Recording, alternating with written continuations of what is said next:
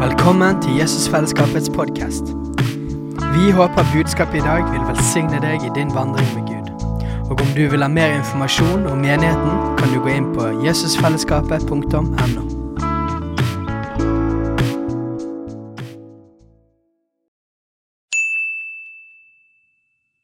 Hei! Visste du at Jesusfellesskapet starter en ny bibelskole til høsten? Den heter Jesusskolen og starter den 3. september. Gå inn på jesusskolen.no for mer informasjon.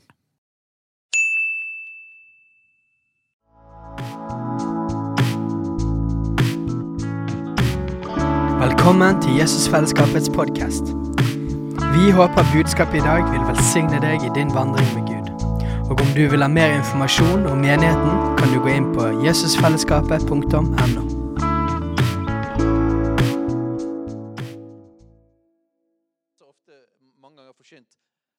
mens vi ennå var syndere, eh, og fokusert på dette at han søkte oss før vi søkte han. Som et fantastisk budskap. Han søkte oss først. Men nå vil jeg poengtere den biten, den, den første biten av verset. Gud viser sin kjærlighet til oss ved at Kristus døde for oss. Så hvordan viste han kjærlighet? Ved at han ga sitt liv. Ikke sant? Faderen viser kjærlighet ved å gi sønnen sin.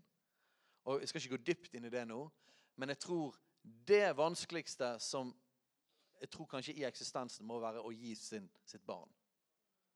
Enhver forelder ville uten å nøle hoppet foran kulen foran sitt barn.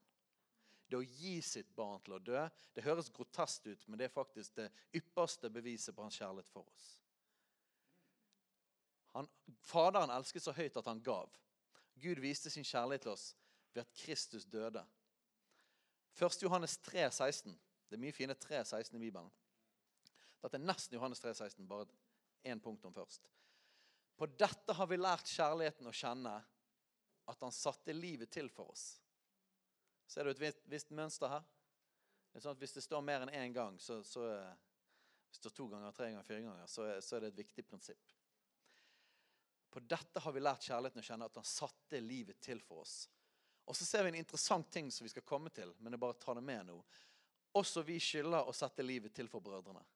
For vet, Når Bibelen snakker om kjærlighet, så, han, så er det alltid fokusert rundt hva han gjorde for oss, hva Faderen gjorde, hva Sønnen gjorde for oss. Men så blir det alltid koblet sammen veldig raskt med 'derfor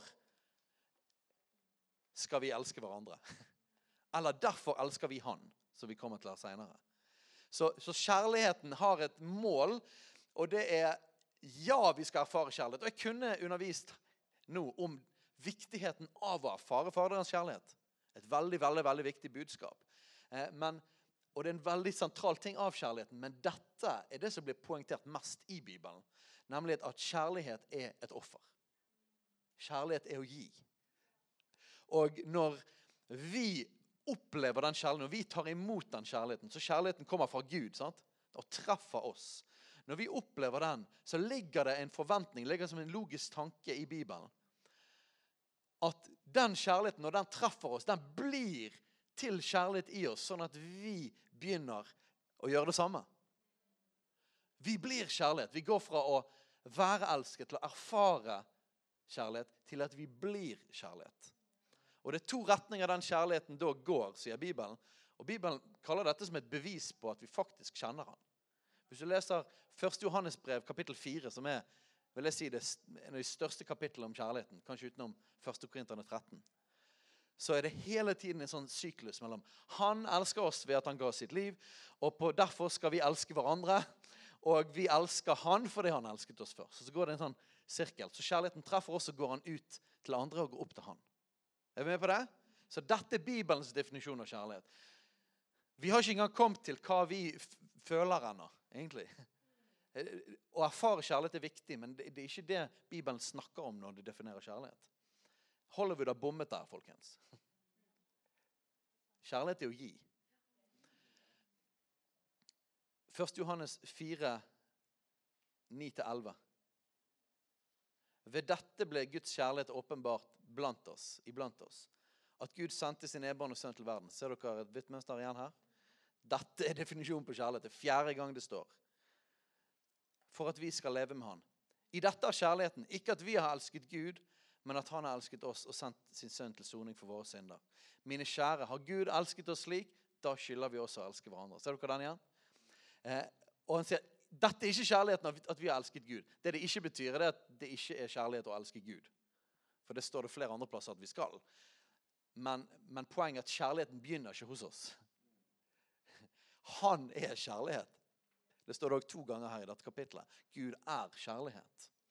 Så kjærlighetens opprinnelse er Han. Og vi kan kun elske når vi er truffet av Han. Men det er òg målet da at vi skal bli den kjærligheten. At vi er så preget av den at det går tilbake igjen til Gud.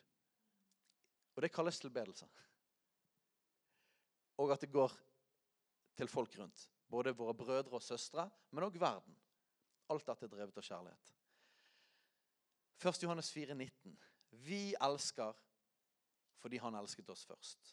Så grunnlaget i tilbedelse er at han først elsket, han gav. Og vi kan ikke elske av oss sjøl. Så når jeg snakker om tilbedelse, så må det ligge på dette fundamentet.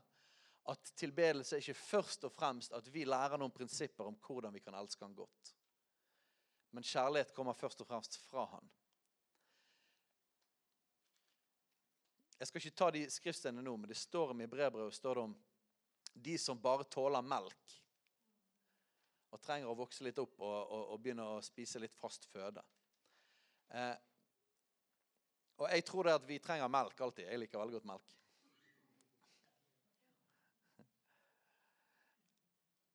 Og Det som ble beskrevet der, er tro og omvendelse fra døde gjerninger med en del eh, dåp og en del sånt der. Så fundamentting. Eh, jeg tror vi trenger å forkynne det sentrale evangeliet alltid. Jeg tror det alltid må komme fram igjen og igjen og igjen. Jeg håper hver eneste gang vi samles som menighet, at evangeliet på en eller annen måte blir forkynt.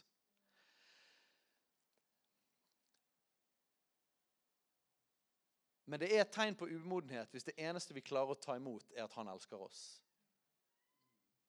For det er hans mål at, at vi ikke bare skal bli gode mottakere av hans kjærlighet, men at vi skal begynne å ligne på han. Det er en del av kjærlighetens mål. Og vi vet at hvis du, hvis du tar det feil, og vi prøver i egen kraft å elske han veldig masse, men ikke har virkelig tatt imot hans kjærlighet og sett hans kjærlighet, og fått hans kjærlighet, da går vi lett over i religion og strev. ikke vi det? Så derfor må det være på fundamentet av at han elsker oss. Men det er òg hans lengsel at vi skal vokse opp. Og at vi ikke kun drikker den gode, varme melk med honning som jeg fikk av mamma da jeg var liten. Noen som fikk varm melk og honning? Når jeg hadde vondt i halsen. Vi skal fortsette å drikke det, men det er òg et mål at vi ikke bare skal tåle det. Men at vi òg skal kunne spise gråbrød for dette er godt for oss. Å kun drikke melk, uansett hvor godt det er, vil faktisk ikke føre til at vi blir sunne. Så vi trenger å lære om at Gud har et mål òg med sin kjærlighet. Jo, vi er, vi er objektet for hans kjærlighet bare fordi at vi er verdt det. Bare fordi han elsker oss. Men han har ingen en lengsel at vi skal bli som han. Efesene 5,2. Midt inni verset der står det Vandre i kjærlighet like som også Kristus elsket oss og ga seg selv for oss som en gave, et offer, en vellukt for Gud. Dette er en formaning til oss at vi skal vandre i kjærlighet. På samme måte som Kristus elsket oss, ga seg sjøl. Hva var kjærligheten igjen? Å gi. Ga seg selv for oss som en gave og et offer, en vellukt for Gud. Neste overskrift her er at tilbedelse det er offer. Tilbedelse er offer. Vi skal ikke ofre tilbedelse for å få tilgivelse for synd. Bare for å få det fundamentet på plass òg. Det offeret er gjort en gang for alle. Dette hamrer hebreerbrevet inn igjen og igjen og igjen. Men det finnes flere typer offer. Det, finnes, det fantes det til og med i den gamle pakt. Du hadde ikke bare syndoffer, men du hadde òg takkoffer. Du hadde òg det som jeg leste et vers der det står om frivillige offer. Offer ut av hjertet. Så la oss slå opp. Her har jeg lyst til å slå opp, for dette er et kjernevers. Hebreabrevet 13, 15-16.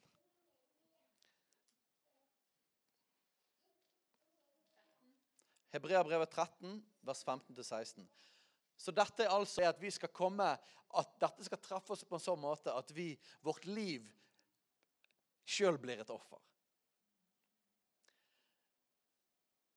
Og der står det La oss derfor ved ham alltid bære fram lovprisningsoffer til Gud. Det er frukt av lepper som priser hans navn. Det skal vi ta og lese et par ganger til. altså.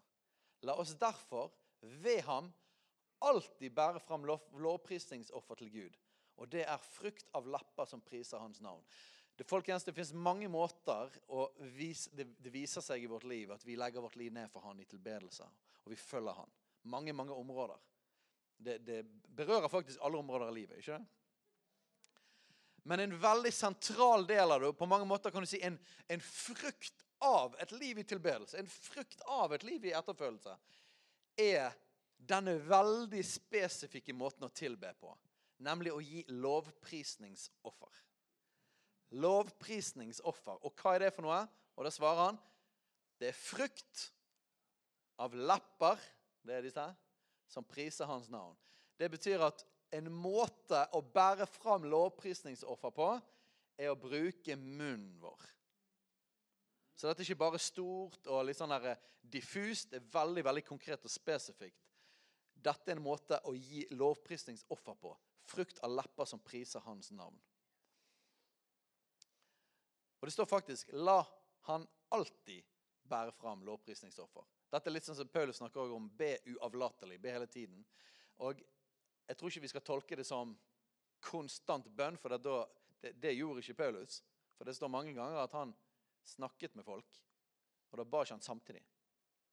Så det kan ikke være det det betyr. sant? Jeg tror vi alle skjønner det. Det det betyr, er basically det ordet jeg bruker, livsstil. Ikke? At dette er en stadig ting. Dette, der er mitt hjerte. Dette er mitt liv. Jeg, jeg, jeg, jeg lovpriser Han. Jeg tilber Han. Det kommer lett for meg. Det er ikke bare en sånn Dette er blitt en del av mitt liv. Bær alltid framfor Han lovprisningsoffer til Gud. Dere trenger ikke slå opp alle disse versene, men jeg har tenkt å lese et par til som går i den samme, samme greien her. Om lovprisning, om tilbedelse som offer. Hosea 14,3. Kom med ord og vend om til Herren og si til Han, forlat all misgjerning og ta imot det gode vi kan yte. Så skal vi gi deg våre leppers offergaver. Våre leppers offergaver. 1. Peter 2,5. Og bli også selv oppbygd som levende steiner til et åndelig hus, til et hellig presteskap, til å bære fram åndelige offer, slike som er til Gud til behag ved Jesus Kristus. Dette gjelder selvfølgelig òg flere ting enn lovprisning. Men det gjelder definitivt lovprisning. En del av vårt kall som kristne Vi er konger og prester, ikke vi det? En del av det sentrale kallet til dette med at vi alle er prester, er at vi lovpriser Han, vi tilber Han. Det er en av de viktigste tingene. Etter hvert skal vi se på åpenbaringen, så ser vi at dette her er faktisk veldig, veldig sentralt. Og Jeg understreker igjen og igjen dette med at dette Hvordan skal jeg si dette? Hvis man ikke liker lovsang, så kan man lett si at ja, men jeg tilber han med hele livet mitt. Men det er ikke sånn at la oss ikke lovprise han og så tilby han med livet. Jeg vil heller si det sånn at Lovprisning med munnen vår er heller et tegn på en frukt av et, et, et liv i tilbedelse. Det er ikke sånn at vi kan velge. Så hver gang det er snakk om et jeg bare kjenner liksom i ånden at hver gang man sier et, et levende offer for han, så bare Ja, fint, det, det skal jeg være, men jeg har ikke lyst til å lovsynge. Men Det er en veldig sentral del av det. skal vi se når vi kommer til Johannes' åpenbaring. Salme 54, vers 8. Med villig hjerte vil jeg ofre til deg. Hvordan da? Jeg vil prise ditt navn, Herre, for det er godt. Med villig hjerte vil jeg ofre til deg. Jeg vil prise ditt navn, Herre, for det er godt. 1. Peter 2,5. Og bli også selv oppbygd som levende steiner til et åndelig hus. Til et ja, Det leste jeg i sted, ikke det? Jo, det gjorde jeg. Det kom to ganger. Halleluja. Da går vi til Romerne 12, 1-2. Jeg formaner dere altså, brødre, ved Guds miskunn, at dere fremstiller deres legemer Legeme, det er kropp. Vår kropp som et levende og hellig offer til Guds behag. Dette er deres åndelige gudstjeneste. Og dette gjelder selvfølgelig livet vårt, vår livsførsel, Men det gjelder òg frukt av lepper som priser hans navn. Bruke kroppen vår i å tilbe. Skikk dere ikke lik denne verden, men bli forvandlet ved at deres sinn fornyes, så dere kan dømme om hva som er Guds vilje, det gode, det som han har behag i, det fullkomne. Et par til. Salme 50, vers 14. Gi Gud takk som offer. Gi Gud takk som offer, og gi den høyeste det du har lovt. Minner dere om overskriften på denne segmentet? her, Det er at tilbedelse er offer. Kjærlighet er offer, tilbedelse er offer. Salme 119, vers 108. La mitt munns frivillige offer behage deg, Herre. La min munns frivillige offer behage deg, Herre. Salme 116, vers 17. Jeg vil bære fram takkoffer til deg og påkalle Herrens navn. En essensiell del av det å være en etterfølger av Jesus, det å være en tilbeder av han, en som har lagt sitt liv ned for han, er å være en som gir vårt liv, vårt alt som offer, men som gir lovprisning som offer. Vår munns lovprisning. Dere kjenner jo veldig godt Spesielt eh, Bill Johnson gjorde jo hele den Fader vår-bønnen veldig sånn sentral. Blitt snakket mye om de siste 15 årene. Men dere kjenner jo det i Matteus 6, sant? I Fader vår. La ditt rike komme. Sant? La din vilje skje på jorden som i himmelen. La ditt rike komme. Altså sånn som hva betyr det at, at, vi ber at Hans rike skal komme? Jo, det betyr helt praktisk at sånn som det er i himmelen, la det komme på jorden. For dette i himmelen det er jo Hans rike. ikke det? Så hans, Vi ber om at Hans rike ikke skal bare være i himmelen, men Hans rike skal bli manifestert på jorden. Skal vise seg her på jorden. Så det er en av de viktigste sentrale bønnene. ikke det? La ditt rike komme. Det, det er virkelig kjernen av hva hans lengsel for jorden er. Og det var det Jesus i tre og et halvt år forsynte mest av alt himlenes rike er kommet nær. Så da gir det veldig mening å finne ut av hvordan ser det ut i himmelen. For da forstår vi jo mer om hva han vil forløse på jorden. Og Vi kan selvfølgelig se hva Jesus gjorde når han forsynte. Og veldig ofte så pleier vi å bruke, snakke om det som har med helbredelse, tegn og under i den settingen. Og det er helt riktig, for det var det det sto mest av alt at Jesus gjorde.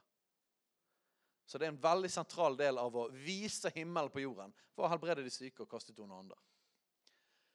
Men det som det står mest av når vi, når, vi, når vi, leser i Bibelen og ser en beskrivelse av hvordan himmelen er Det står nevnt det med helse og helbredelse i Johannes oppbaring 21. Men hva er det står mest av? Noen som har en idé? Jeg vet dere vet dette. Ingen som vil si noe? Er det noen som vil si det høyt? Hva er det det står om? Det står om lovprisning, ikke Så la oss slå opp i Johannes' åpenbaring kapittel 4.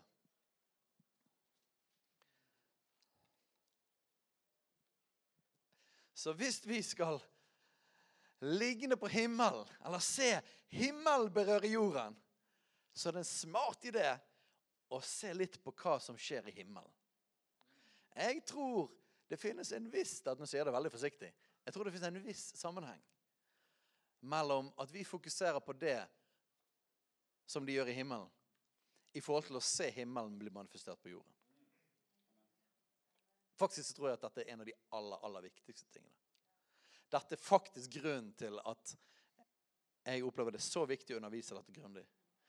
Hvorfor trenger vi å virkelig bygge? Vi har, noe av det som kjennetegnet vår menighet før vi fikk den tøffe perioden og krasjen, det var tilbedelse og lovsang. Det var Guds nærvær. Hengiven tilbedelse. ikke? Og det er tid for å bygge det opp igjen. Og vi har allerede begynt med det. Man kan merke det nå, søndag etter søndag, at det, bare, det er mer og mer frihet og trøkk i lovsangen. Og vi, vi, gjenoppbygger mer og mer kulturen av det. Men vi skal ikke bare gjenoppbygge, vi skal gå videre. Vi skal gå til det Gud har kalt oss til. Eh, og jeg tror ikke det finnes noe viktigere enn å være en bolig for Gud. Være et sted der Den hellige ånd har frihet, der Guds nærvær er. For alt kommer ut av Guds nærvær. Alt kommer ut av Guds nærvær. Har vi Guds nærvær, hvis Hans herlighet virkelig manifesterer seg iblant oss, så kommer alle de andre tingene til å skje. Alle de tingene vi lengter etter, kommer til å skje.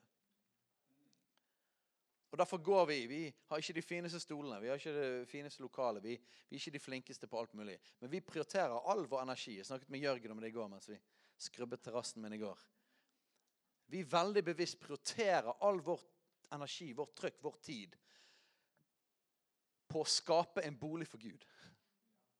Det betyr ikke at ikke de andre tingene at det er noe galt i de, men vi veldig bevisst prioriterer de langt ned på listen.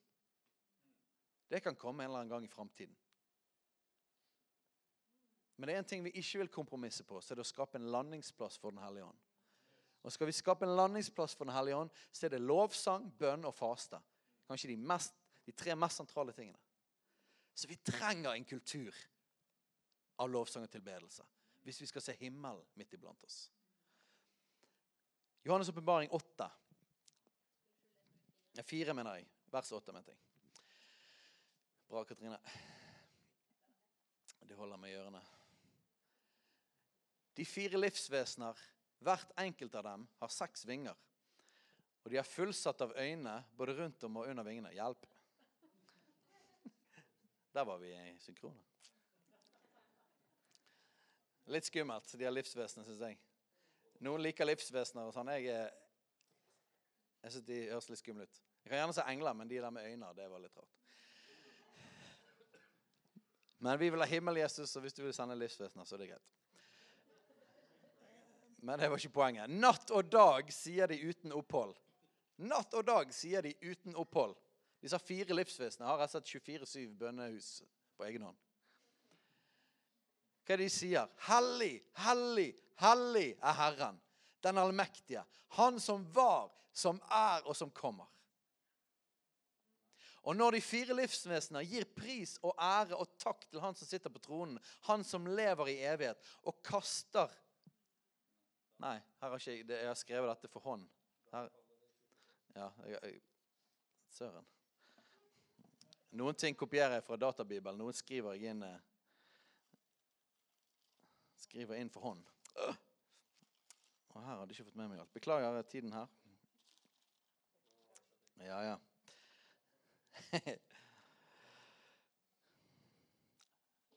De livsvesenene de sier eh, Hellig, hellig, hellig er Herren Gud, den allmektige, Han som var, som er, og som kommer. Og når de fire livsvesenene gir pris og ære og takk til Han som sitter på tronen, Han som lever i evighet, da faller de 24 eldstene. De har livsvesener, konge, supert, men de er jo i himmelen. Vi er ikke livsvesener. Sant? Gud kan gjerne sende livsvesener hvis det er sånn plass for det her nede på jorden. det vet jeg ikke. Men det jeg vet, det er at disse neste folkene, de var mennesker. De 24 eldste. Da faller de 24 eldste ned for han som sitter på tronen, og tilber han som lever i all evighet, og kaster sine kroner ned for tronen og sier De sa det, vet du det? De brukte munnen sin i himmelen. Så det var ikke bare i hjertet. De sier det med munnen, akkurat som livsvesenet. De brukte munnen sin og priste han. Verdig er du, vår Herre og Gud, til å få lovprisningen og æren og makten. For du har skapt alle ting, og på grunn av din vilje ble de, ble de til og ble de skapt. Jeg vet ikke med dere, men Når jeg leser disse her tilbedelsesstedene i, i Johannes' åpenbaring, så er det bare sånn ah, Du bare merker en sånn ånd av tilbedelse. En sånn enorm opphøyelse, en sånn sentral greie med bare å, å ære Gud for den han er. Enorm kraft i det. Og så står det i kapittel 5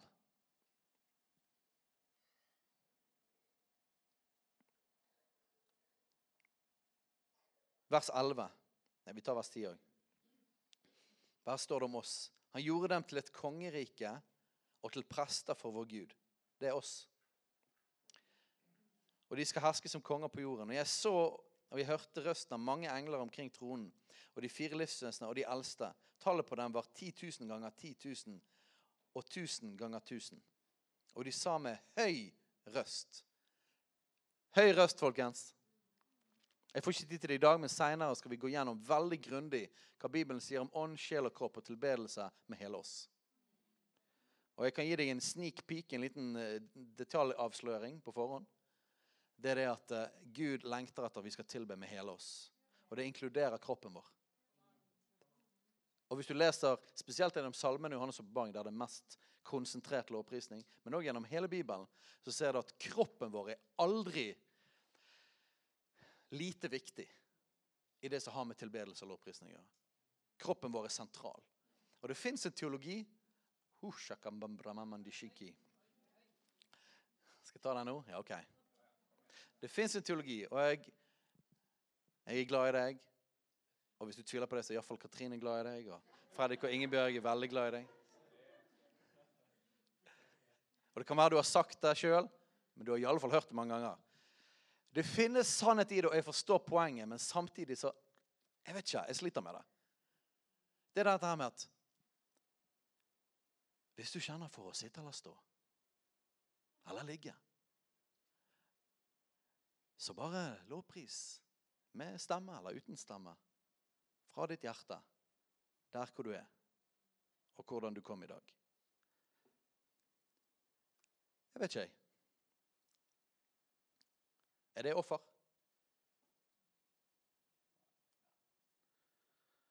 Jeg var på Kanalu på fredag, så jeg underviste om dette en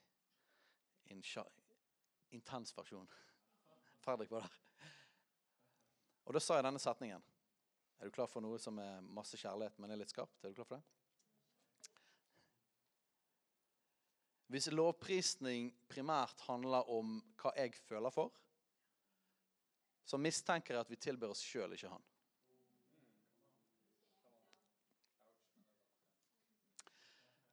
Hvis lovprisning handler om primært om hva jeg føler for, så tror jeg vi tilber oss sjøl, ikke han. Oh, nå, kjenner, oh, nå, hopper jeg ut av notatene mine. Jeg kommer til et skrift en gang. Men Jesus Husker dere han var i Getsemane? Nå går jeg fra undervisning til preaching mode her. Jesus var i Getsemane. Og så sa han, 'Min sjel er bedrøvet til døden'. Og Så spurte han disiplene sine, 'Please, vær med og våk og be.' Bare en time. Og så sier han til Gud, 'Far, hvis det er mulig, la dette begeret gå meg forbi.' 'Far, hvis det er mulig, la meg få slippe dette.' Hva slippe? Husker dere de tingene vi leste i begynnelsen? Slippe å ofre meg for verden. Slippe å gi meg sjøl. Og hva var, var, hva var, det som var kjærlighet? Kjærligheten er at han ga seg. Igjen og igjen står det. Jesus ba om å få slippe det. Så Jesus følte ikke for det. Kan vi være trygge på det? At Jesus følte ikke for å ofre seg for oss. Så for å understreke den med at hvis vi hovedsakelig tilber når vi føler for, så tror jeg kanskje det er tilbedelse av oss sjøl. Og jeg vil understreke det med å si det at hvis Jesus Hvis Jesus hadde gjort det han følte for i Getsemane, så hadde vi alle gått fortapt.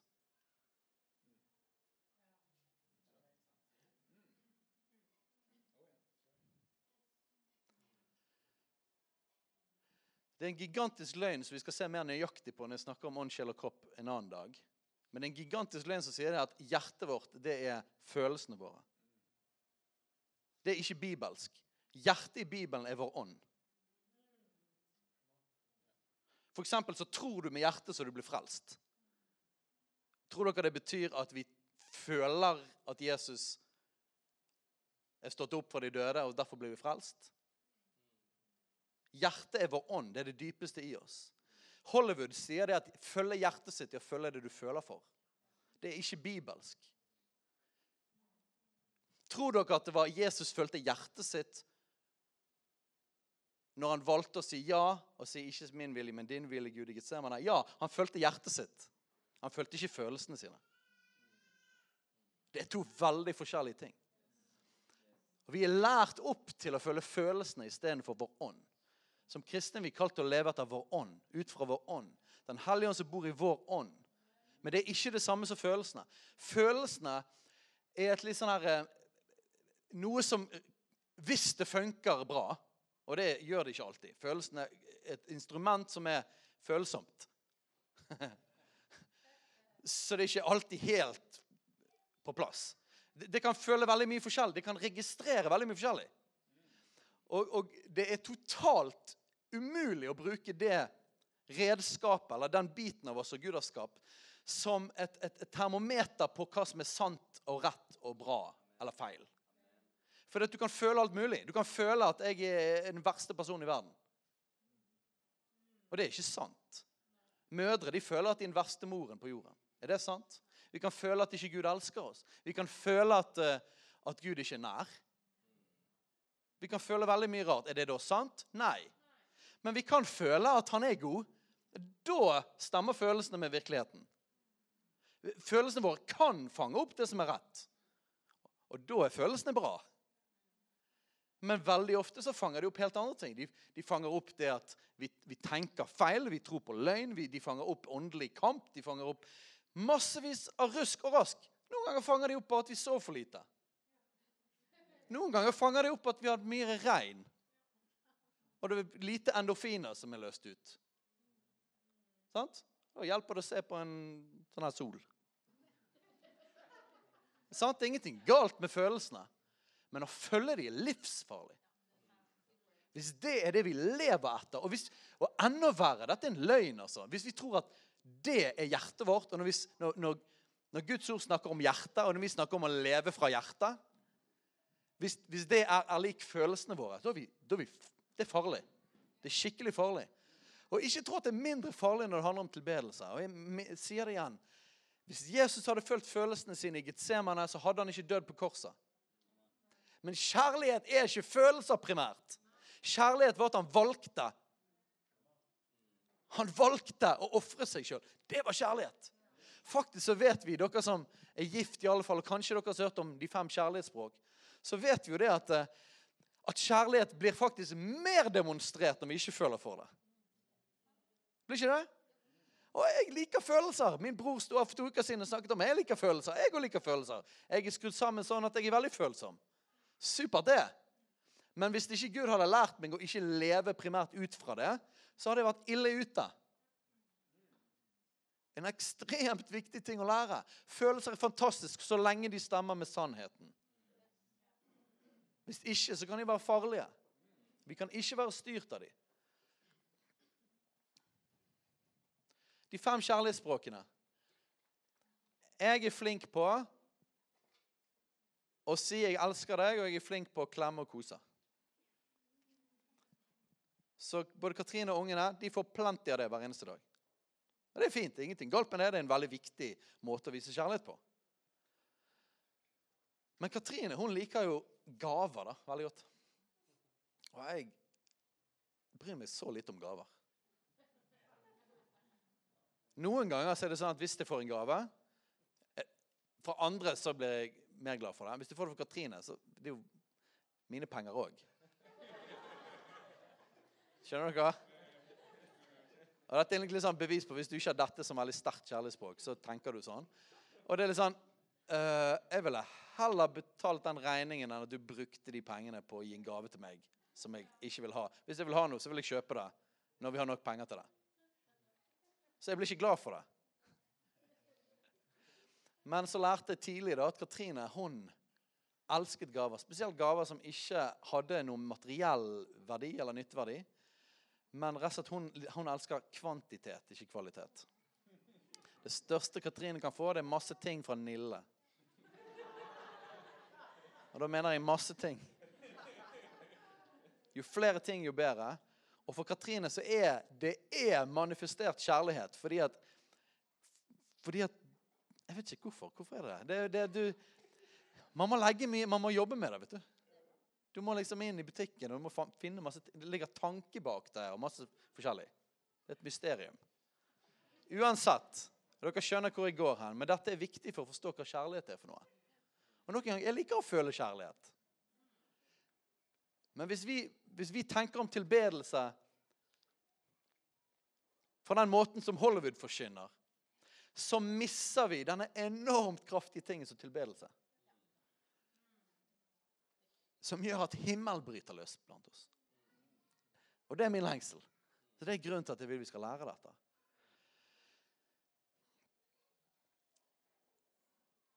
Gjennom årene så har jeg da lært meg, gjennom disiplin og smerte Ved å huske på alle gangene Katrine ble skuffet når jeg ikke var flink nok til å kjøpe gaver. Så har jeg lært meg det som en gammel hund som hadde fått sånn klikktrening. At jeg må kjøpe gaver, og mange. Jeg føler meg som en robot. Jeg har ingen følelser av glede i det. Og Katrine vet det. Men jeg gjør det. Og jeg er blitt ganske flink på det etter hvert. Og når jeg gir det, folkens, da kjenner Katrine seg til og med mer elsket om hvis det kom naturlig for meg. Du skjønner? Hva er hjertet? Er det å kjøpe gaver til hun som jeg ikke føler for? Eller er det å gjøre det som kommer lett for meg? Det viser mer hjerte å gi det som koster. Ikke det? For en løgn det at følelsene er det samme som hjertet. Hjertet er noe mye dypere enn det. Det kommer fra mitt innerste. vet du hva? Jeg elsker deg, og derfor er jeg villig til å til og med ofre. Dette er jo ikke en veldig alvorlig ting, dette med gaver, men det er det samme prinsippet. Hvis du ikke føler for å tilbe Jesus, da har du et privilegium. For da kan du gi han et offer. Og når vi søker han, så er det veldig ofte noen ganger at følelsene etter hvert liksom begynner For følelsene er en som følger. Så følelsene følger vilje. De følger vår ånd, de følger vår vilje, de følger våre tanker. Sant? De følger kroppen vår. Så etter hvert så hiver følelsene seg på mange ganger. For at når vi tilber, så responderer himmelen. Men det er ikke alltid vi føler det, men det skjer. For det skjer basert på hjertet, vår ånd. Det skjer basert på offer. Så skjer det noe i åndeverden. Og etter hvert så plukker kanskje følelsene våre opp òg. Og det er supert. Når vi kjenner hans nerver, kjenner hans godhet. Men jeg tilber aldri for å kjenne hans kjærlighet. Det er helt legitimt å gjøre det. Det er ingenting galt i å oppleve og ta imot. Og mange ganger der jeg legger meg ned og ber om erfarens kjærlighet. Men i lovsang så er ikke det min automatiske liksom, mekanisme. Min mekanisme er at Gud er verdig å bli tilbedt. Jeg er en tilbeder. Jeg skal gi ham et offer av tilbedelse. Fordi han er verdig, han er god. Han er alltid god. Og jeg vet hvor viktig det er. Og jeg vet hvor sentral del av himmelen det er. Og jeg vil gi han tilbedelse med min ånd og min sjel og min kropp. Med alt jeg er. Så derfor stiller jeg meg opp. Og så løfter jeg hendene mine, og så bruker jeg stemmen min. Og nok en gang, Vi skal komme videre inn på helt spesifikt ånd, sjel og hva Bibelen sier om det. Og så velger jeg å tilbe Han.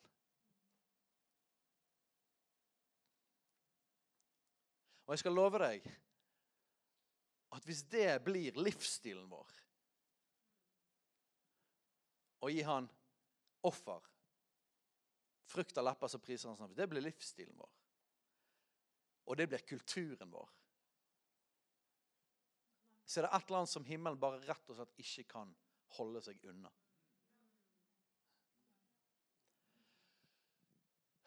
Det er vanskelig å forsyne alle sider av Guds ord samtidig. Jesus gjorde det aldri. Jeg forsyner mye mer balansert faktisk enn Jesus. det kan jeg si. I tilfelle noen blir støtt. Jesus poengterte som ofte bare én side veldig radikalt. Og så ventet han mange dager før han sa noe om den andre siden. Vi passer mye mer på å, å, å gi inn biter av helheten. Sant? Og Jeg vet det fins andre sider av dette. Eh, dette er ikke hele Guds ord, men det er en veldig, veldig viktig ting i Guds ord.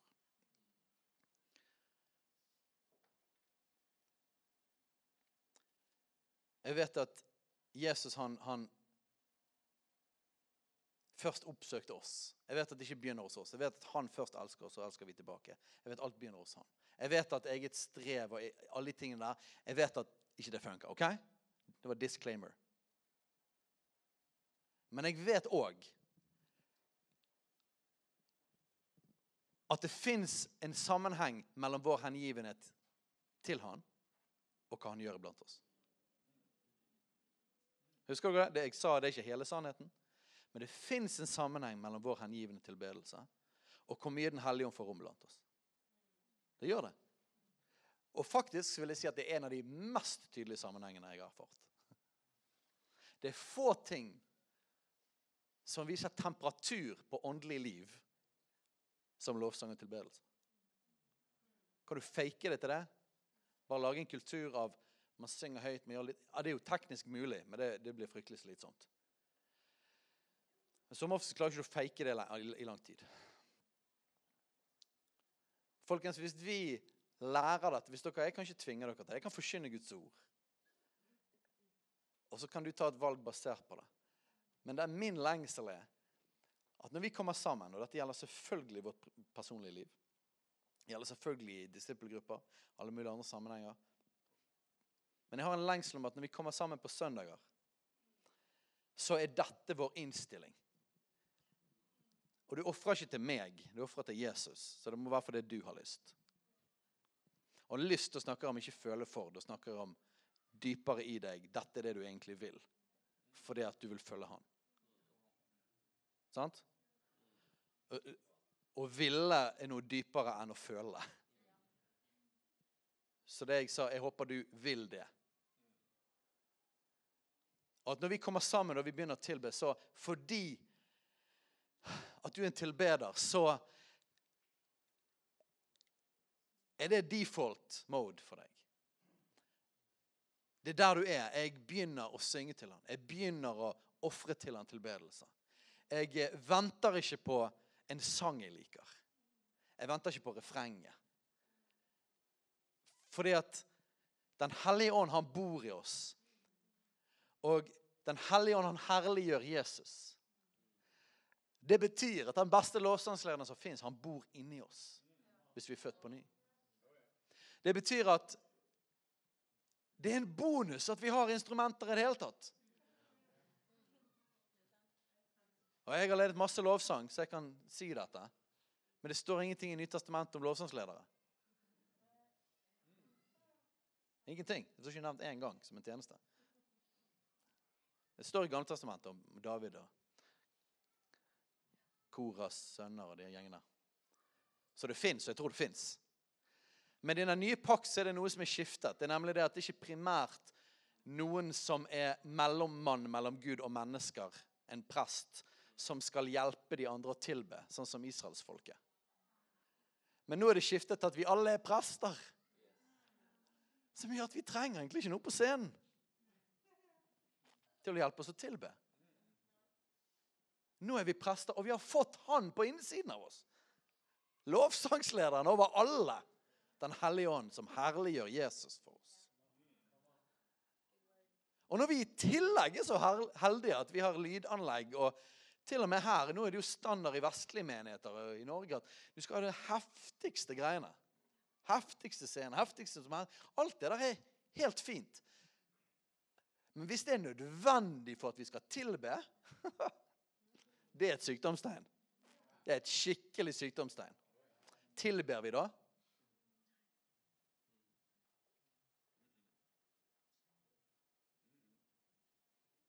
La den henge. Så det at vi har noen instrumenter i det hele tatt til låsenslære, det er jo fantastisk. Som i tillegg har en gave til å liksom smøre og hjelpe ekstra at du får kontakt med han som bor i deg. Men han bor jo i deg. La han være lovsangslederen din. Velg å leve ut av ånd, ikke ut av følelser. Når de var i Getsemane og Jesus eh, ba disiplene om å be, så sa han et, etter hvert, etter tredje gangen, at de sovnet. Så sa han at eh, ånden er villig, men altså Litt hvordan du oversetter. Noen steder står det 'menneskenaturen er svak', eller 'kjødet er svakt', eller Men helt konkret så står det 'kroppen er svak'. Da kunne vi gått inn i lang, lang uh, greie om hva det betyr. Men la oss ta den vinklingen nå, da. Ånden er villig, men kroppen er ikke alltid vill. Og I det tilfellet så var det veldig fysisk òg. Det var en åndelig kamp i Getsemane. Men de, var, de, ble trøtte. Det føltes som at de var trøtte. Ikke? De sovnet hele tiden. Jeg kan gi deg en liten eh, detalj fra åndeverden. Hvis det er sånn at det er viktig å tilbe Han, så kan det være at djevelen ikke liker det. Og det kan være at han prøver å få oss til å ikke tilbe. Så det kan være at når de føler at du føler at du er trøtt, så er det ikke sikkert du er trøtt. Det kan være det en åndelig kamp om din tilbedelse.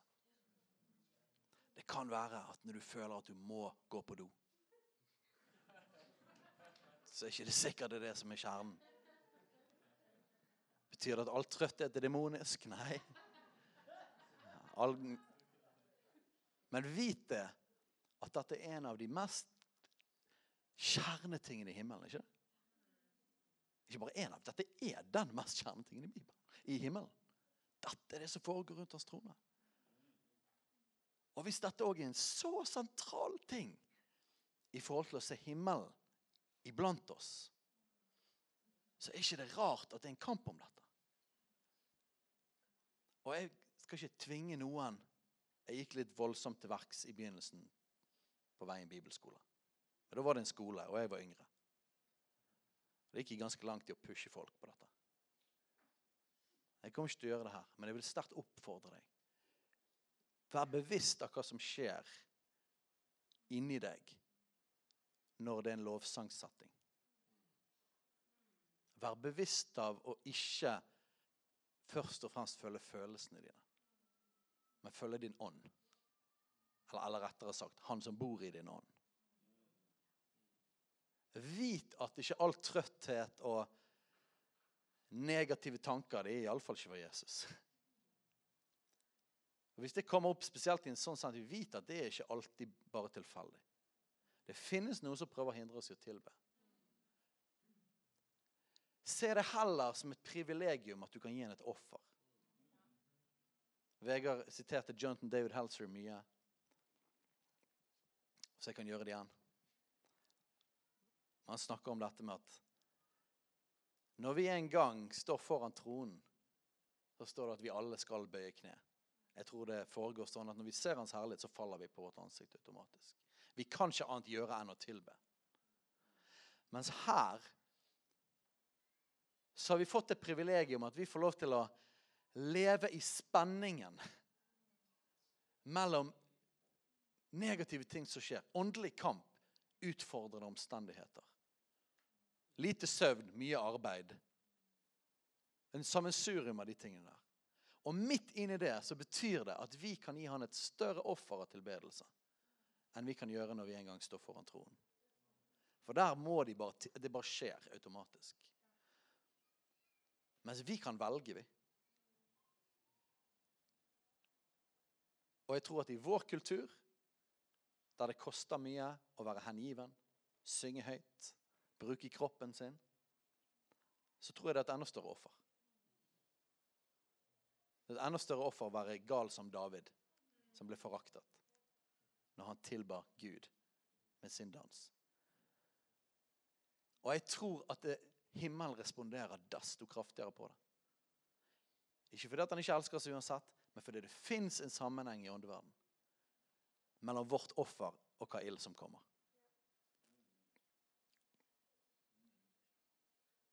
Ok, Det var introen til dette temaet.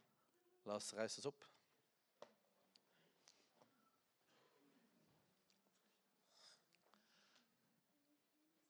Og Gud, jeg ber om at du skal La de ordene her, ordene fra Bibelen, at det skal trenge inn i hjertet vårt. Og at det skal gjøre noe med oss. Disiplene de sa til deg, Jesus, lær oss å be. Så jeg vil be. Lær oss å tilbe. Lær oss å lovprise. Lær oss å gi et offer av tilbedelse til deg.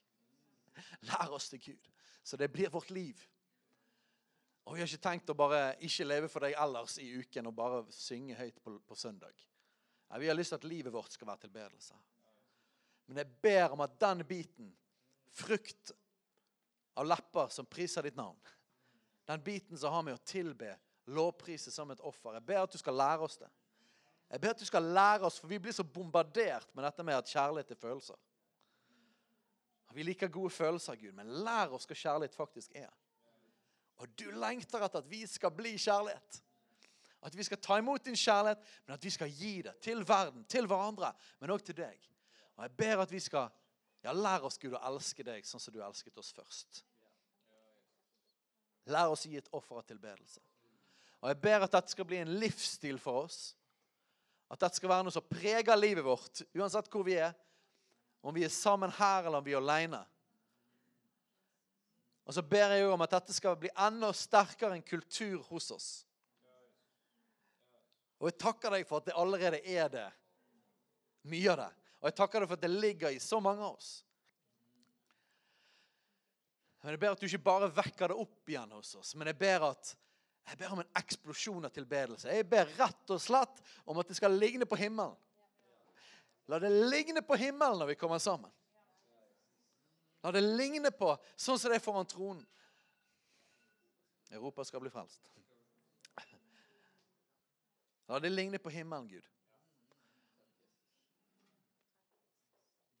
Og Jeg takker deg for at uh, i Kina og India og mange andre steder så trenger de ikke mye fancy greier for å tilbe deg, fordi at de ofrer av sitt hjerte.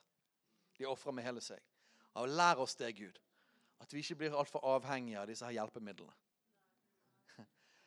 Men at når vi får heftige, kule instrumenter, og alt det greiene, så er det bare krydder. Men at vi mest av alt har en livsstil og en kultur av å tilbe deg, Gud. Lær oss dette. Inngraver dette på hjertene våre. La det bli en del av livet vårt, Gud. For vi lengter etter å skape en landingsplass for deg, Hellige Ånd. I Jesu navn. Amen. Hei, alle sammen. Det er Katrine og Steinar Lofnes her. Vi er hovedledere for Jesusfellesskapet. Så kjekt du har lyttet til denne podkasten. Har du forresten hørt noen av de andre podkastene våre? Ukens tale, Disippelskolen, Hyrdepodden, Kulturkrigen og Mammas hjerte. Du finner disse podkastene på Spotify, Apple Podkaster og på nettsiden vår jesusfellesskapet.no.